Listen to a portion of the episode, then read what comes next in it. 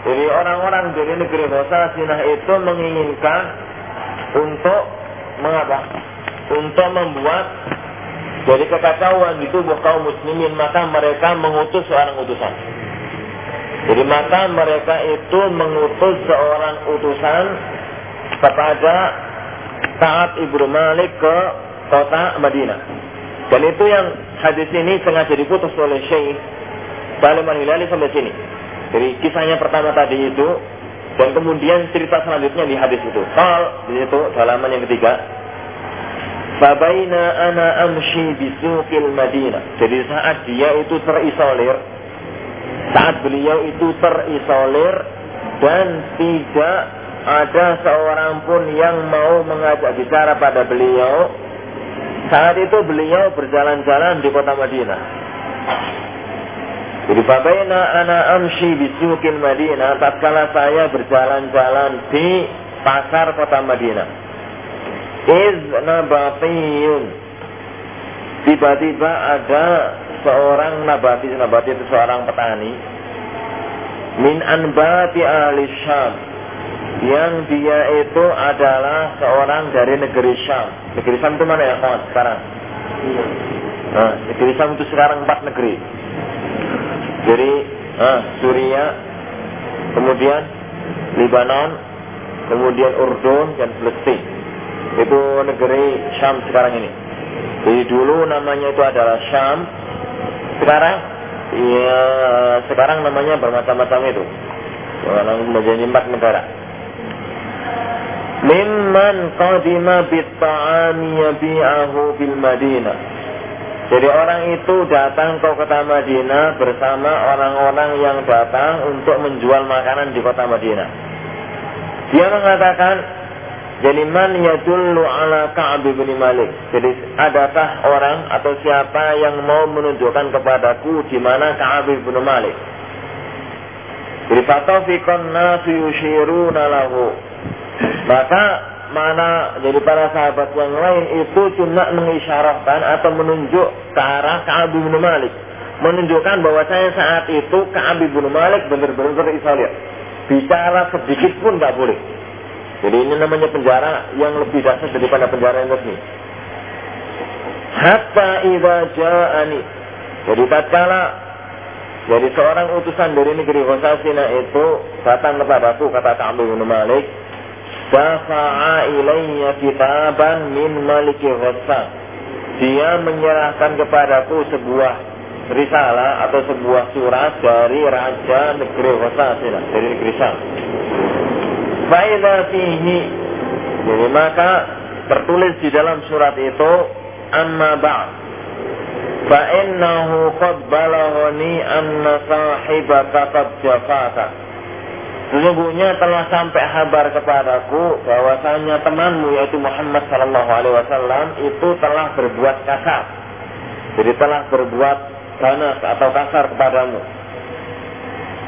Atau telah meninggalkanmu atau berpaling darimu walam yaj'alkallahu bidari hawa dan Allah Subhanahu wa taala tidak menjadikan engkau di tanah atau di daerah atau di sebuah tempat yang penuh dengan kehinaan dan mulia dan penuh dengan yani kesengsaraan. Sama aja.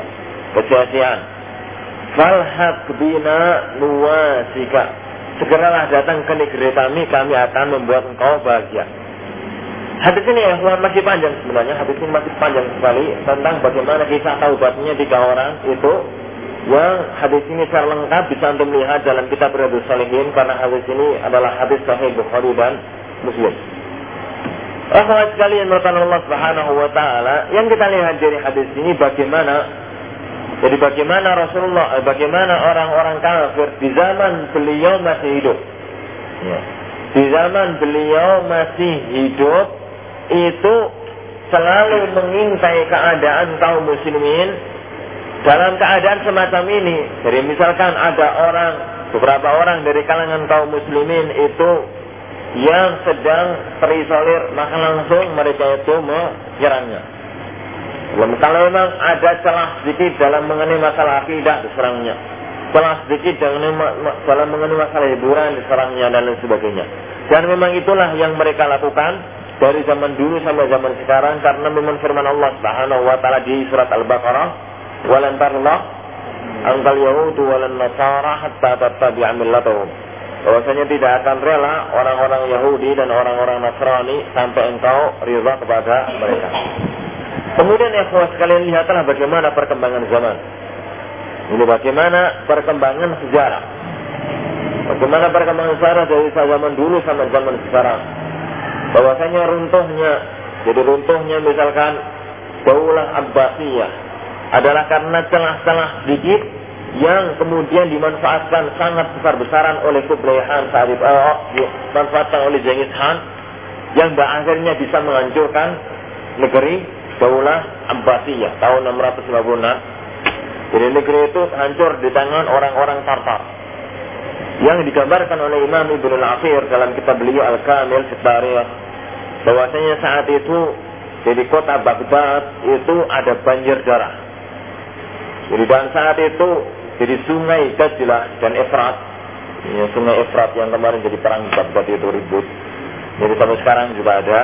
Di sungai itu digambarkan oleh oleh oleh Imam Ibn al-Akhir bahwasanya kuda sampai bisa melewati jadi sampai bisa melewati sungai pada sungai itu adalah sungai yang sangat dalam karena tumpukan mayat dan buku karena tumpukan mayat kaum muslimin dan tumpukan buku yang dibuang oleh mereka maka sampai bisa dilewati oleh kuda dan lain sebagainya. Kemudian lihatlah bagaimana dulu peristiwa hancurnya kerajaan Bani Umayyah di Andalus Spanyol sekarang. Siapa yang menghancurkan? Siapa yang tahu? Nah, seorang ratu wanita, pimpinan. Orang-orang Kristen saat itu seorang wanita yang namanya pernah tenar tahun 80-an dalam sebuah lagu dari Malaysia. Ratu Isabella. Ratu Ratu Isabella. Kemudian lihatlah bagaimana hancurnya banyak kerajaan jadi peristiwa perang salib yang kemudian akan alhamdulillah mereka hancur oleh tangan Salahuddin Al-Ayyubi rahimahullah taala. Kemudian peristiwa hancurnya kerajaan Turki Utsmani belum ini. Kemudian runtuhnya dari kerajaan Islam besar di India. Dan sejarah Islam dari zaman dulu sampai zaman sekarang membuktikan bagaimana orang-orang kafir itu selalu mencari celah kaum muslimin, jadi selalu mencari celah kaum muslimin untuk bisa dimasuki. Di zaman kita sekarang, akhwat sekalian, dulu, jadi sebelum, jadi sebelum akhir-akhir ini, sebelum 11 September, jadi orang-orang kafir, orang-orang Yahudi, orang-orang orang-orang Amerika, mereka selalu memunculkan istilah fundamentalisme untuk menyerang kaum muslimin yang apa? Mu'tazil. Tapi ternyata isu fundamentalis tidak berhasil. Kemudian mereka membuat makar dengan peristiwa 11 September itu yang akhirnya muncullah peristiwa yang akhirnya muncullah istilah baru dengan istilah terorisme sekarang ini yang kayaknya istilah ini jauh lebih berhasil daripada istilah yang mereka gunakan dulu yaitu fundamental. Dan begitu selanjutnya, kan kita lihat perkembangan dari zaman Rasulullah dulu sampai zaman sekarang nggak berubah. Yang itu digambarkan oleh Rasulullah dengan sangat jelas sekali yushiku antaba'a alaikumul umat jadi umat Islam akan dijadikan tempat perhatian sebagaimana orang-orang yang suka makan itu memperhatikan terhadap piring makanan untuk diambil makanannya tersebut. Jadi gambaran ini ya kuat sekalian menunjukkan hal yang sangat kuat sekali tentang uh, kita harus waspada terhadap semua hal yang berhubungan dengan orang-orang kufar dan orang-orang kafir. Allah alam. Kemudian yang kedua kata Syekh yani Salim al-Hilali di hadis itu juga di hadis Sauban tadi menunjukkan jadi menunjukkan bahwasanya halaman yang ketiga umat-umat kafir itu menyeru sebagian mereka kepada sebagian yang lain saling mengajak untuk bersekongkol menyerang kaum muslimin. Ini untuk bersekongkol menyerang kaum muslimin. Kita lihat ya, kawan sebenarnya antara orang kafir dengan orang kafir sendiri itu mereka nggak bersatu dan mereka saling bertenangan.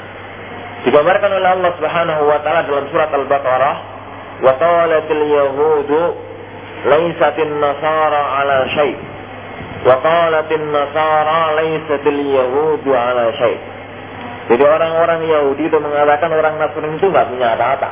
Jadi orang nggak agamanya nggak benar. Orang Nasrani pun begitu. Laisatul Yahudu ala syai. Bahwasanya orang-orang Yahudi tidak mempunyai apa-apa. Dan pertentangan, gambaran pertentangan antara orang-orang Yahudi dengan orang-orang Nasrani. Kemudian di surat Al-Hasyr, Al-Hasyr itu jilid yang ke-28, Allah Subhanahu wa taala menggambarkan tentang keadaan, yakni tentang keadaan perang Ahzab. Yang di mana dulu kaum muslimin itu diserang oleh tentara multinasional. Jadi tentara Quraisy gabung dengan tentara semua tentara orang-orang kafir menyerang dari luar, gabung dengan tentara Yahudi menyerang dari dalam.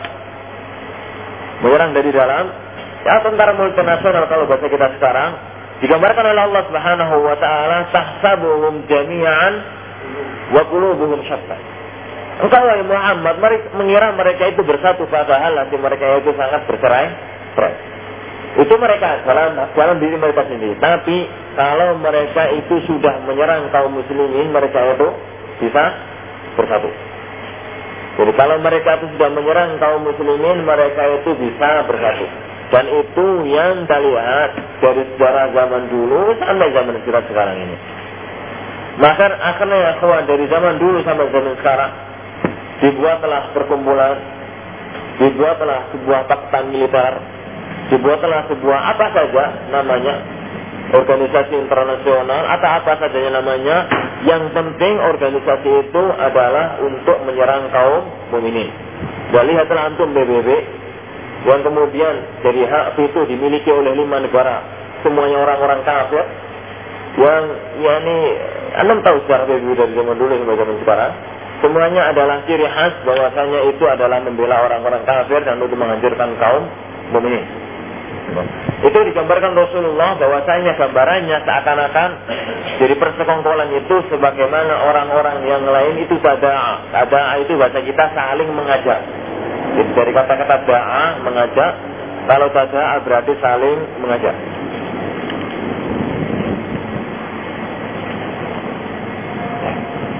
Dikatakan oleh Syekh di situ, jadi gambarkan oleh oleh Syekh ini al di situ. Jadi barang siapa yang telah membaca sejarah pengiriman pasukan perang salib yang itu jadi terjadi ratusan tahun yang kemudian dimenangkan oleh umat Islam dengan bimbingan Salahuddin Al-Ayyubi rahimahullahu taala seorang ulama ahli sunnah wal jamaah. Jadi dan peristiwa pada perang dunia pertama akan melihat bagaimana sebenarnya kejadian orang-orang kafir itu kepingin untuk menyerang kaum mukminin. Yang ketiga ya kuat sekalian, jadi yang ketiga yang kita ambil juga dari hadis ini adalah bahwasanya gambarannya Rasulullah orang umat Islam itu seakan-akan tos'ah. Tos'ah itu jadi seakan-akan nampan yang berisi makanan. Berarti di hadis ini diambil kesimpulan bahwasanya negeri kaum mukminin itu adalah negeri yang kaya dengan makanan. Dan memang itu itulah kenyataan yang ada. Jadi negeri kaum mukminin adalah negeri yang kaya dengan makanan itu kenyataan yang ada maka orang-orang kafir itu menyerang umat Islam. Negeri kaum muslimin ya dari zaman dulu itu ke arah barat sampai menguasai daerah Andalusia dari daerah Jazirah Arabia. Kemudian Islam berkembang, ini Islam berkembang ke arah selatan ke mana? Kembangan terakhir. Ke mana? Ke arah selatan. Yaman. Setelah Yaman masalahnya laut. Gitu laut luas jadi badan gede lagi kemudian ini putus-putus kemudian ke arah uh, ke arah utara ke mana Coba untuk perkembangan yang Islam pernah mencapai daerah utara? Hah? Austria. Hah? Prancis itu zaman belakangan ini. Itu ke arah barat hampir itu bisa dikatakan ke arah barat. Hmm. ke daerah ke Rusia sekarang. Ke daerah Rusia sekarang. Kalau dalam bahasa para ulama itu bila suara enam Jadi di bahasa Rusia sekarang Tajikistan, Chechnya, Lahri yang muncul dari situ para ulama besar semacam Imam Bukhari dan para ulama-ulama yang lain.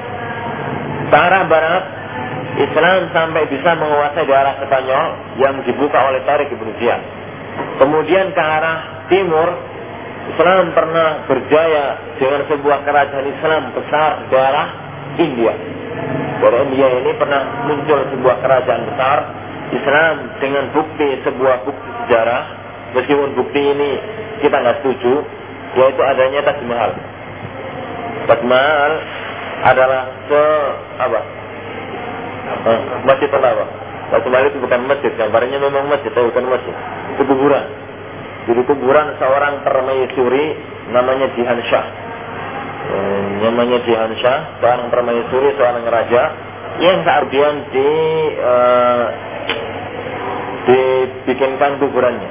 Kita nggak setuju dengan itu semua, akan tetapi yang penting di situ pernah muncul sebuah kerajaan Islam besar. Tapi itu semua ya kuat sekalian. Jadi itu sudah lihat adalah negeri-negeri kaya. Jadi oleh karena itu pada saat jadi perang dunia yang pertama, tahu orang-orang orang orang-orang Eropa itu mereka berusaha untuk menyerang mukmin dan hampir tidak ada satupun negeri kaum mukminin yang tidak terjajah. Dari ujung timur sampai ujung barat. Kecuali satu negara yang saya tahu, ya Jazirah Arabia. Saat itu belum namanya Saudi. Saudi ini baru belakangan aja 200 tahun yang lalu. Dari Jazirah Arabia, tahu saya tidak pernah Jazirah itu terjajah. Karena orang-orang kafir, mau apa yang mau dilihat dari Jazirah? Dari saat itu mereka belum bisa mengambil minyak dan tanah gersang. Nggak ditanami juga nggak bisa. Semuanya padang pasir. Cuma apalagi udah tinggalkan aja. Tapi ternyata di dalamnya malah terdapat jadi uh, untaian jadi harta kekayaan yang belum pernah habis dan bahkan digambarkan Rasulullah SAW bahwasanya di bawah gunung itu adalah banyak eh, timbunan emas di bawah di bawah gunung Uhud. Nah, ini ya kawan sekalian, jadi menunjukkan bahwasanya bagaimana orang-orang kafir, jadi orang-orang kafir itu selalu menginginkan kaum muslimin karena memang kaum muslimin negeri-negeri kaum mukminin digambarkan oleh Rasulullah Sallallahu Alaihi Wasallam adalah negeri yang kaya yang itu menyebabkan mereka kepingin untuk mengambil manfaat dan mengambil harta kekayaan dari negeri-negeri tersebut. Yang kelima, yang kita ambil dari hadis ini, bahwasanya orang-orang kafir, jadi orang-orang kafir, digambarkan oleh Rasulullah Sallallahu Alaihi Wasallam di hadis tadi jadi menginginkan jadi menginginkan untuk mencabik-cabik kesatuan kaum mukminin. Dari mana kita mengambil faedah dari hadis itu?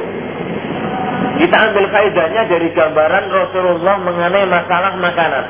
Jadi kalau ada dalam satu nampak Rasulullah menggambarkan kaum mukminin itu bukan piring-piring.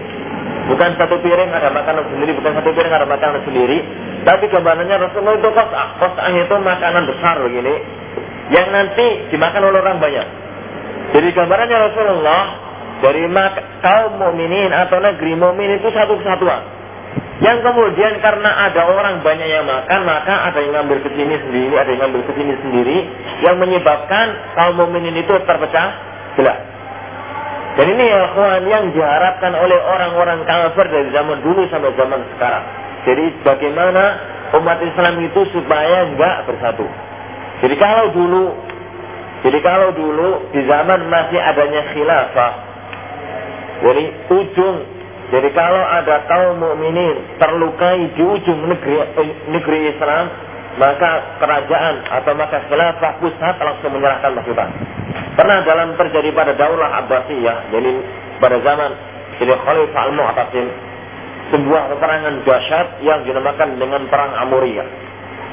Perang Amuriyah, ini Fathul Amuriyah yang kemudian digambarkan dengan sangat bagus sekali dengan sebuah syair oleh oleh seorang penyair Muslim Al-Buhduri. Bahwasanya perang Amuriyah itu awalnya itu sangat remeh. Ada seorang mukmin, bila ada seorang mukmin yang ini itu seorang mukmin itu seorang wanita mukminah Pakaian sebagaimana antum tahu, pakaiannya pakai cadar, pakai jilbab itu pakai pakaian perlu ke bawah. Kemudian kalau duduk begini, ini kalau duduk begini, ada seorang Yahudi atau seorang orang kafir di belakang, pakaian yang bawah itu diikat di saluran yang. Jadi pakaian ujung yang bawah itu diikat di papan yang atas. Pas dia itu naik, otomatis berdiri otomatis apa? Auratnya tersingkap, kan itu. Otomatis auratnya tersingkap. Maka dia langsung mengatakan, jadi dia langsung berteriak untuk menolak, untuk minta pertolongan kepada kaum muslimin. Berita ini terdengar oleh Raja Al-Mu'tasim di Baghdad. Raja Al-Mu'tasim di Baghdad, peristiwa ini. Maka beliau langsung dengan seketika waktu itu juga mengirimkan pasukan yang pasukan ini tidak terputus dari kota Baghdad sampai tempat itu. Pasukan jasad yang saat itu pertempuran jasad sekali yang dinamakan dengan perang Amuria yang menghancurkan kerajaan dari salah satu pusat kerajaan Persia. Ini karena memang jadi Persia baru hancur belakangan ini aja pada saat kerajaan Muhammad ah, siapa siapa? Raja Muhammad Muhammad Reza. Ah, Persia baru hancur belakangan ini aja. Sudah dua.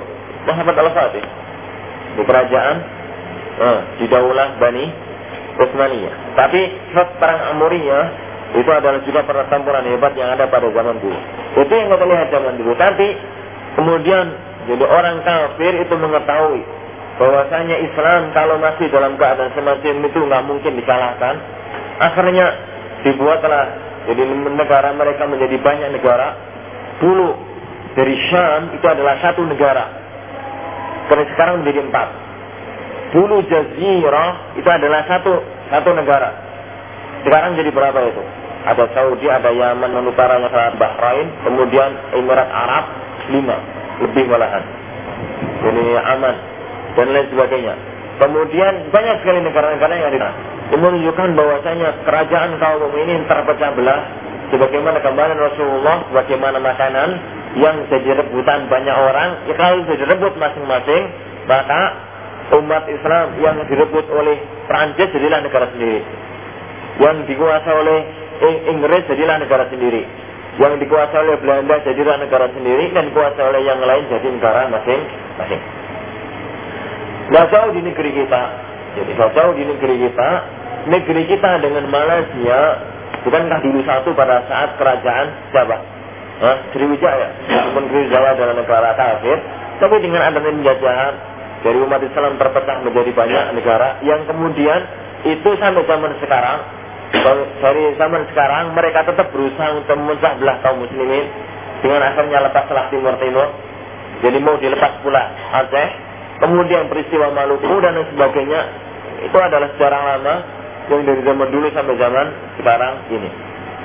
Dan hadis itu ya kawan jadi gambaran bagaimana orang kafir itu berusaha untuk memecah belah kaum muslimin sangat tegas sekali digambarkan oleh Rasulullah SAW pada sebuah hadis dari hadis Abdullah ibn Hawala di halaman yang berempat bahwasanya Rasulullah Sallallahu Alaihi Wasallam bersabda satu jannatuna ajnadan bahwa kalian itu akan dijadikan beberapa pasukan. Jundan di Syam ada satu negeri di negeri Syam. Wa jundan bil Iraq dan negeri di negeri Iraq. Wa jundan bil Yaman dan satu negeri di Yaman. Fakultu maka dia mengatakan para sahabat itu, "Khirli ya Rasulullah." Jadi pilihkanlah untuk saya wahai Rasulullah sallallahu alaihi wasallam. Kal maka Rasulullah bersabda, "Alaikum bisyam." Kalau umat Islam sudah pecah belah gak karuan, maka kalian itu cahlah negeri Syam. Faman aba falyalhaq biyamanihi. Jadi kalau barang siapa yang enggan untuk masuk negeri Syam, maka masuklah ke negeri Yaman. Jadi gabunglah dengan negeri Yaman. Falyastaqi min hudrihi min hudrihi. Jadi dia itu mengambil air atau mengambil air dari mata airnya. Artian mengambil yang manfaat dari negeri Yaman. Fa inna Allah Azza wa Jalla tataffala li bisyami wa ahliha. Karena Allah Subhanahu wa taala itu menjamin untukku kepadaku negeri Syam dan uh, penduduknya. Kalau Rabi'ah berkatalah Rabi'ah yuhaddisu bihadzal hadis yang mana beliau itu adalah menceritakan hadis ini maka beliau mengatakan man tataffalallahu bihi fala dhayata alaih jadi barang siapa yang dijaga oleh Allah Subhanahu wa taala maka tidak akan pernah hancur maka tidak akan pernah hancur di sini ya kawan gambarannya Rasulullah, jadi gambarannya Rasulullah, umat Islam akan dijadikan banyak pasukan. Kalau dulu di zaman ada khalifah, umat Islam itu pasukan cuma ada di negeri pusat. Jadi pasukan pasukan inti cuma ada di pusat. Dari pasukan yang ada di bawah itu pasukan-pasukan semacam kalau kita ya pasukan di, di tingkat provinsi atau apa, tapi pasukan eh, pasukan militer terbesar itu cuma di pusat. Kalau sekarang semua dengan militer. Sebagaimana kabar Rasulullah kalian akan dipersenjatai dengan banyak sekali pasukan. Jadi ini gambaran yang buat Allah Subhanahu wa taala. Jadi tentang bagaimana keadaan umat Islam sekarang sudah jelas dan sangat runtut sekali dengan apa yang telah digambarkan oleh Rasulullah Shallallahu Alaihi Wasallam. Allah a'lam Ada yang tahu tentang itu?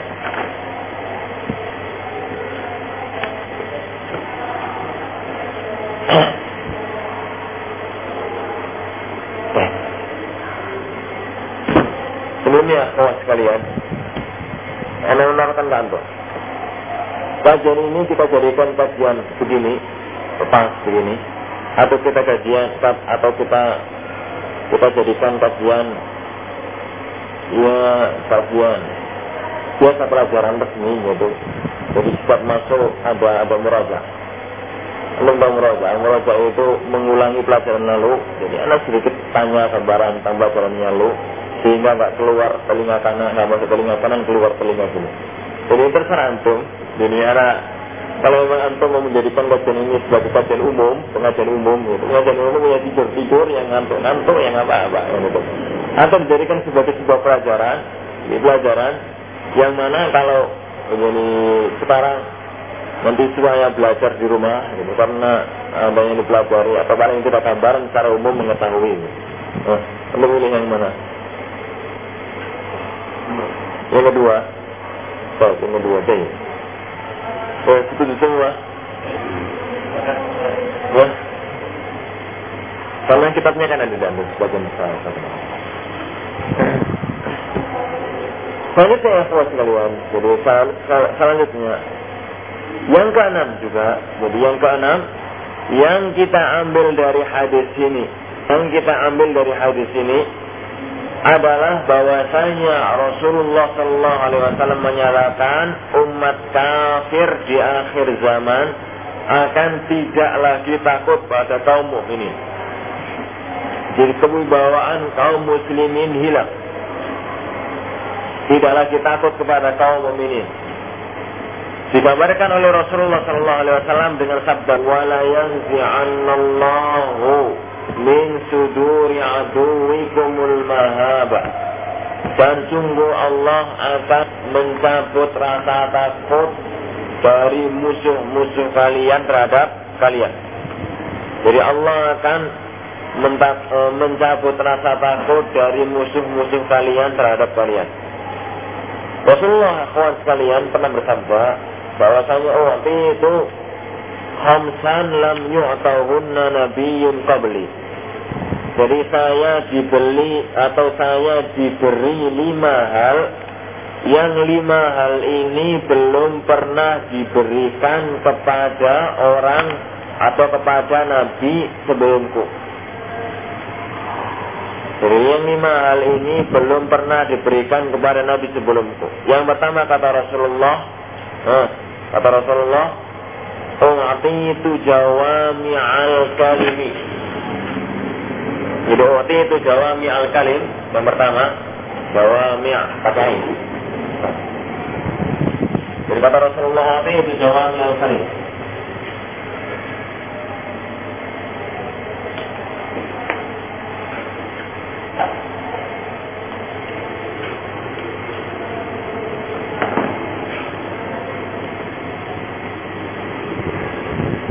رہے ہیں تو جواب میں ہے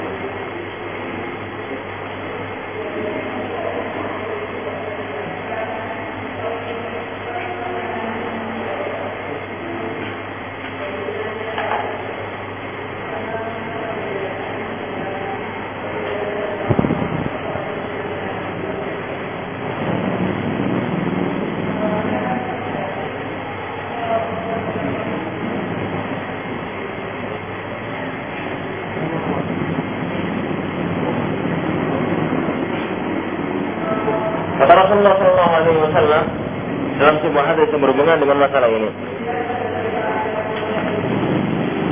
Jadi waktu itu khamsan lam yutahunna nabiyyun qabli saya diberi lima hal kata Rasulullah yang belum pernah diberikan kepada lima kepada orang-orang nabi atau kepada para nabi sebelumku. Yang pertama kata Rasulullah, waktu itu jawami al Saya jadi waktu itu ain ini. Jadi waktu itu jawami al kalimi. Saya dikasih jawami al kalim. Jawami al kalim itu jadi kemampuan untuk mengatakan kalimat yang pendek akan tetapi mengandung makna yang sangat banyak sekali.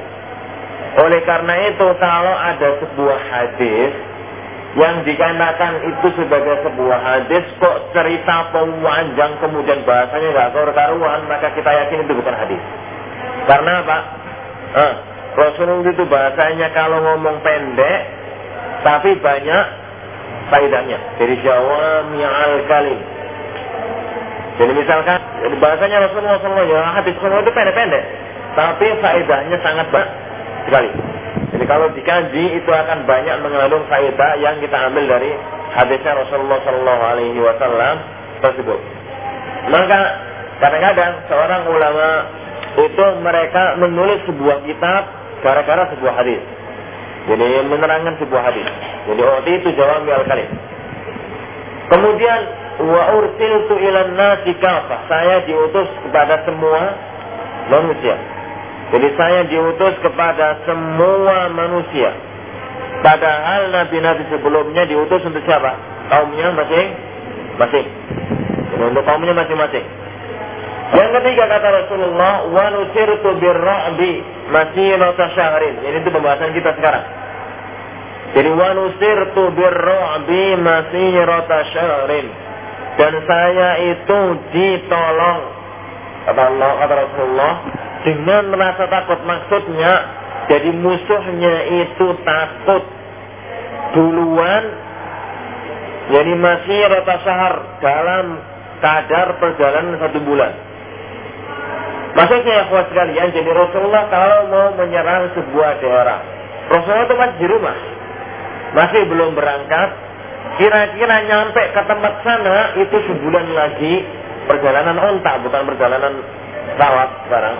Jadi perjalanan onta, maka kaum yang ada di sana yang kira-kira Rasulullah itu sebulan lagi baru datang, itu mereka sudah takut. Itu maksudnya, wa nusirtu birra'bi masirata syahrin. Dari dulu itulah kehebatan kaum muslimin zaman dulu. Jadi zaman Rasulullah Sallallahu Alaihi Wasallam, jadi itu selalu kaum mukminin itu berhasil menguncangkan kekuatan orang-orang kafir yang pertama kali dengan kekuatan mental mereka. Jadi mereka sudah takut duluan sebelum diserang oleh Rasulullah Sallallahu Alaihi Wasallam. Dan itu yang kawan kita lihat dalam banyak sekali peperangan.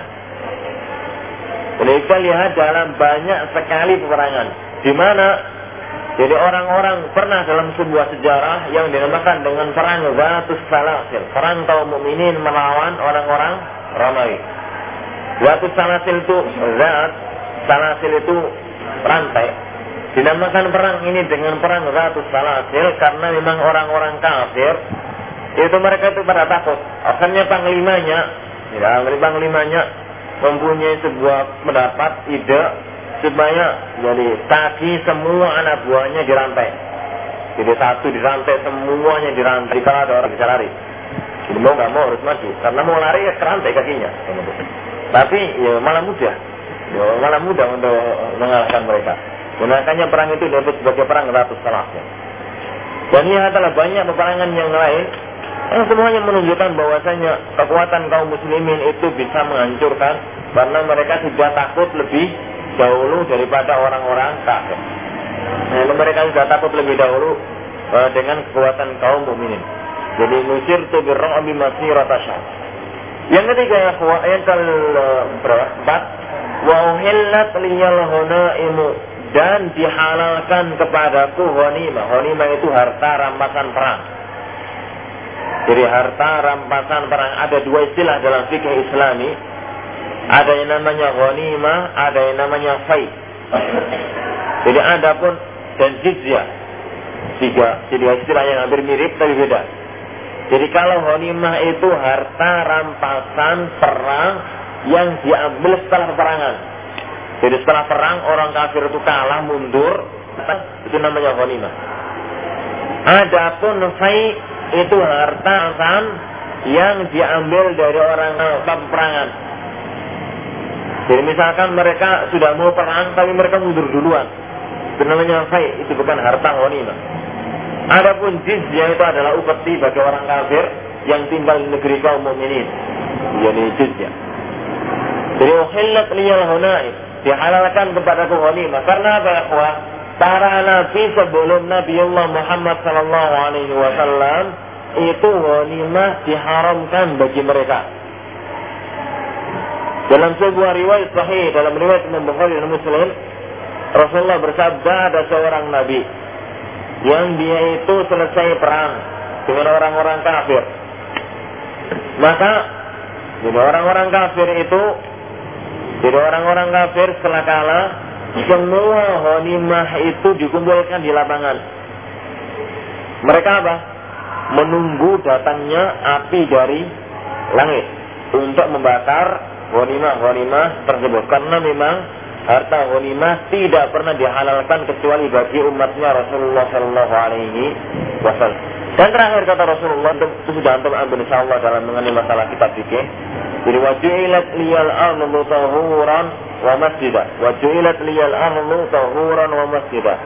Dan bumi ini dijadikan oleh Allah kepadaku sebagai tempat bersuci dan sebagai masjid. Karena memang di zaman para nabi sebelum Islam itu tidak boleh di sembarang tempat harus di uh, tempat ibadah khusus. Adapun umat Islam terserah sholat di mana aja yang penting ternyata adalah suci. Hubungannya dengan adalah yang nomor tiga. tu birrobi masirata syahrin. Bahwasanya saya kata Rasulullah ditolong dengan rasa takutnya orang kafir meskipun perjalanan itu masih satu bulan ke depan menunjukkan tentang bagaimana kehebatan atau kewibawaan umat Islam di zaman dahulu. Yang waliyadzubillah kewibawaan sekarang itu luluh lantah. Jadi kewibawaan sekarang itu sudah tidak ada lagi. Tidak ada lagi kamus dalam kamus sejarah hidup zaman kita sekarang ini orang kafir gentar dan takut pada kaum mukminin. Karena ini kata Rasulullah, "Wala yanzi'annallahu min suduri aduwikumul mahabata minkum. Dan sungguh Allah akan mencabut rasa takut itu dari musuh kalian kepada dan itu ikhwas sekalian jadi terjadi di zaman kita sekarang ini. Bagaimana secara membuktikan anjing kalau memang anjing itu adalah miliknya dos busa itu lebih berharga daripada nyawa-nyawa umat Islam zaman kita sekarang jadi orang-orang kafir, kalau orang Yahudi atau orang yang lain mati, itu dunia, dunia bangkit dan dunia berteriak. Tapi kematian jutaan muslimin tidak jadi masalah. Jadi secara dari itu semua menunjukkan bahwasanya zaman sekarang ini dari perasaan gentar dan takut pada kaum mukmin sudah hilang. Dan gambaran itu telah digambarkan oleh Rasulullah SAW di zaman dahulu jadi digambarkan Rasulullah di zaman dahulu yang gambaran itu terjadi pada zaman sekarang ini. itu jadi faedah nomor empat. Ini faedah yang nomor empat ya, eh, faedah yang nomor enam yang kita hadisnya Rasulullah Shallallahu Alaihi Wasallam. Kemudian yang ketujuh ya sekalian, jadi yang ketujuh yang kita ambil juga dari hadis ini mengenai masalah kejadian akhir zaman yang ada pada zaman kita sekarang ini adalah bahwasanya inti kekuatan kaum muslimin jadi inti kekuatan kaum muslimin itu bukan masalah kekuatan atau bukan pada masalah jumlah.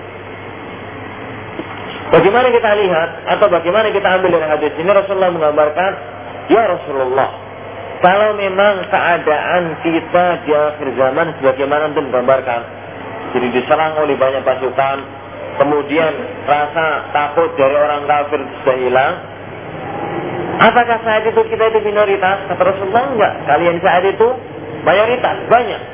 Tapi kalian itu adalah sebagaimana uh, buih yang ada di lautan. Berarti inti kekuatan kaum mukminin ya bukan pada banyaknya pasukan. Jadi bukan pada banyaknya pasukan akan tetapi pada iman dan pada ketakwaan seseorang. Dan sejarah membuktikan ini dari zaman dari awal sejarah umat Islam kita. Coba anda perhatikan. Ada dua kejadian di zaman Rasulullah yang perlu kita perhitungkan. Yang pertama tentang Badar. Yang digambarkan oleh Allah Subhanahu wa taala dengan sangat bagus dalam surat Al-Anfal. Jadi orang perang Badar, jadi perang Badar itu sebenarnya mereka bukan mau perang. Jadi perang Badar itu ya kawan, sebenarnya umat Islam itu bukan mau perang, mereka itu mau merampas harta rampasan. Jadi ada sebuah kafilah dari kafilah dagang yang dari negeri Syam dari negeri Syam mau ke Mekah mesti melewati mesti melewati Madinah. Dipimpin oleh Abu Sufyan yang saat itu beliau belum masuk Islam.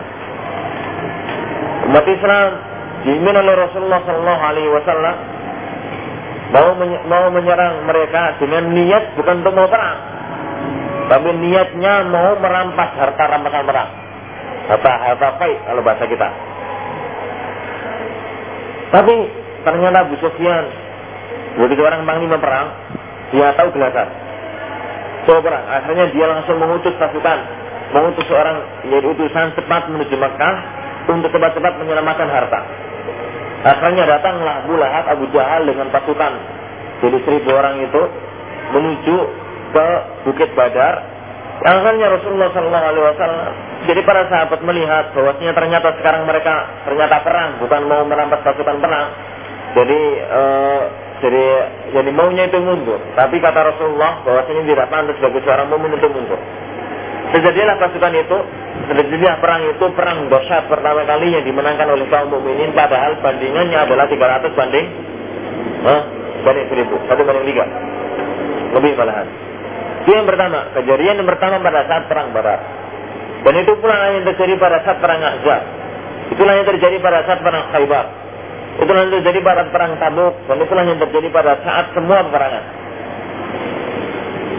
Tapi ya kawan, lihatlah perang Hunain. Perang Hunain itu satu-satunya peperangan yang jumlahnya umat Islam seimbang dengan jumlah pasukan musuh.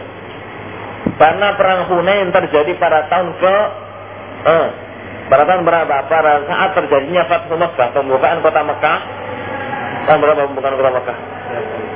Nah, tahun berapa Hijriah? Karena pembukaan kota Mekah, umat Islam yang datang dari dari Madinah adalah 10 ribu, kemudian ditambah oleh masuknya orang-orang di kota Mekah. Ya, dan orang-orang yang lain 2 ribu akhirnya berangkat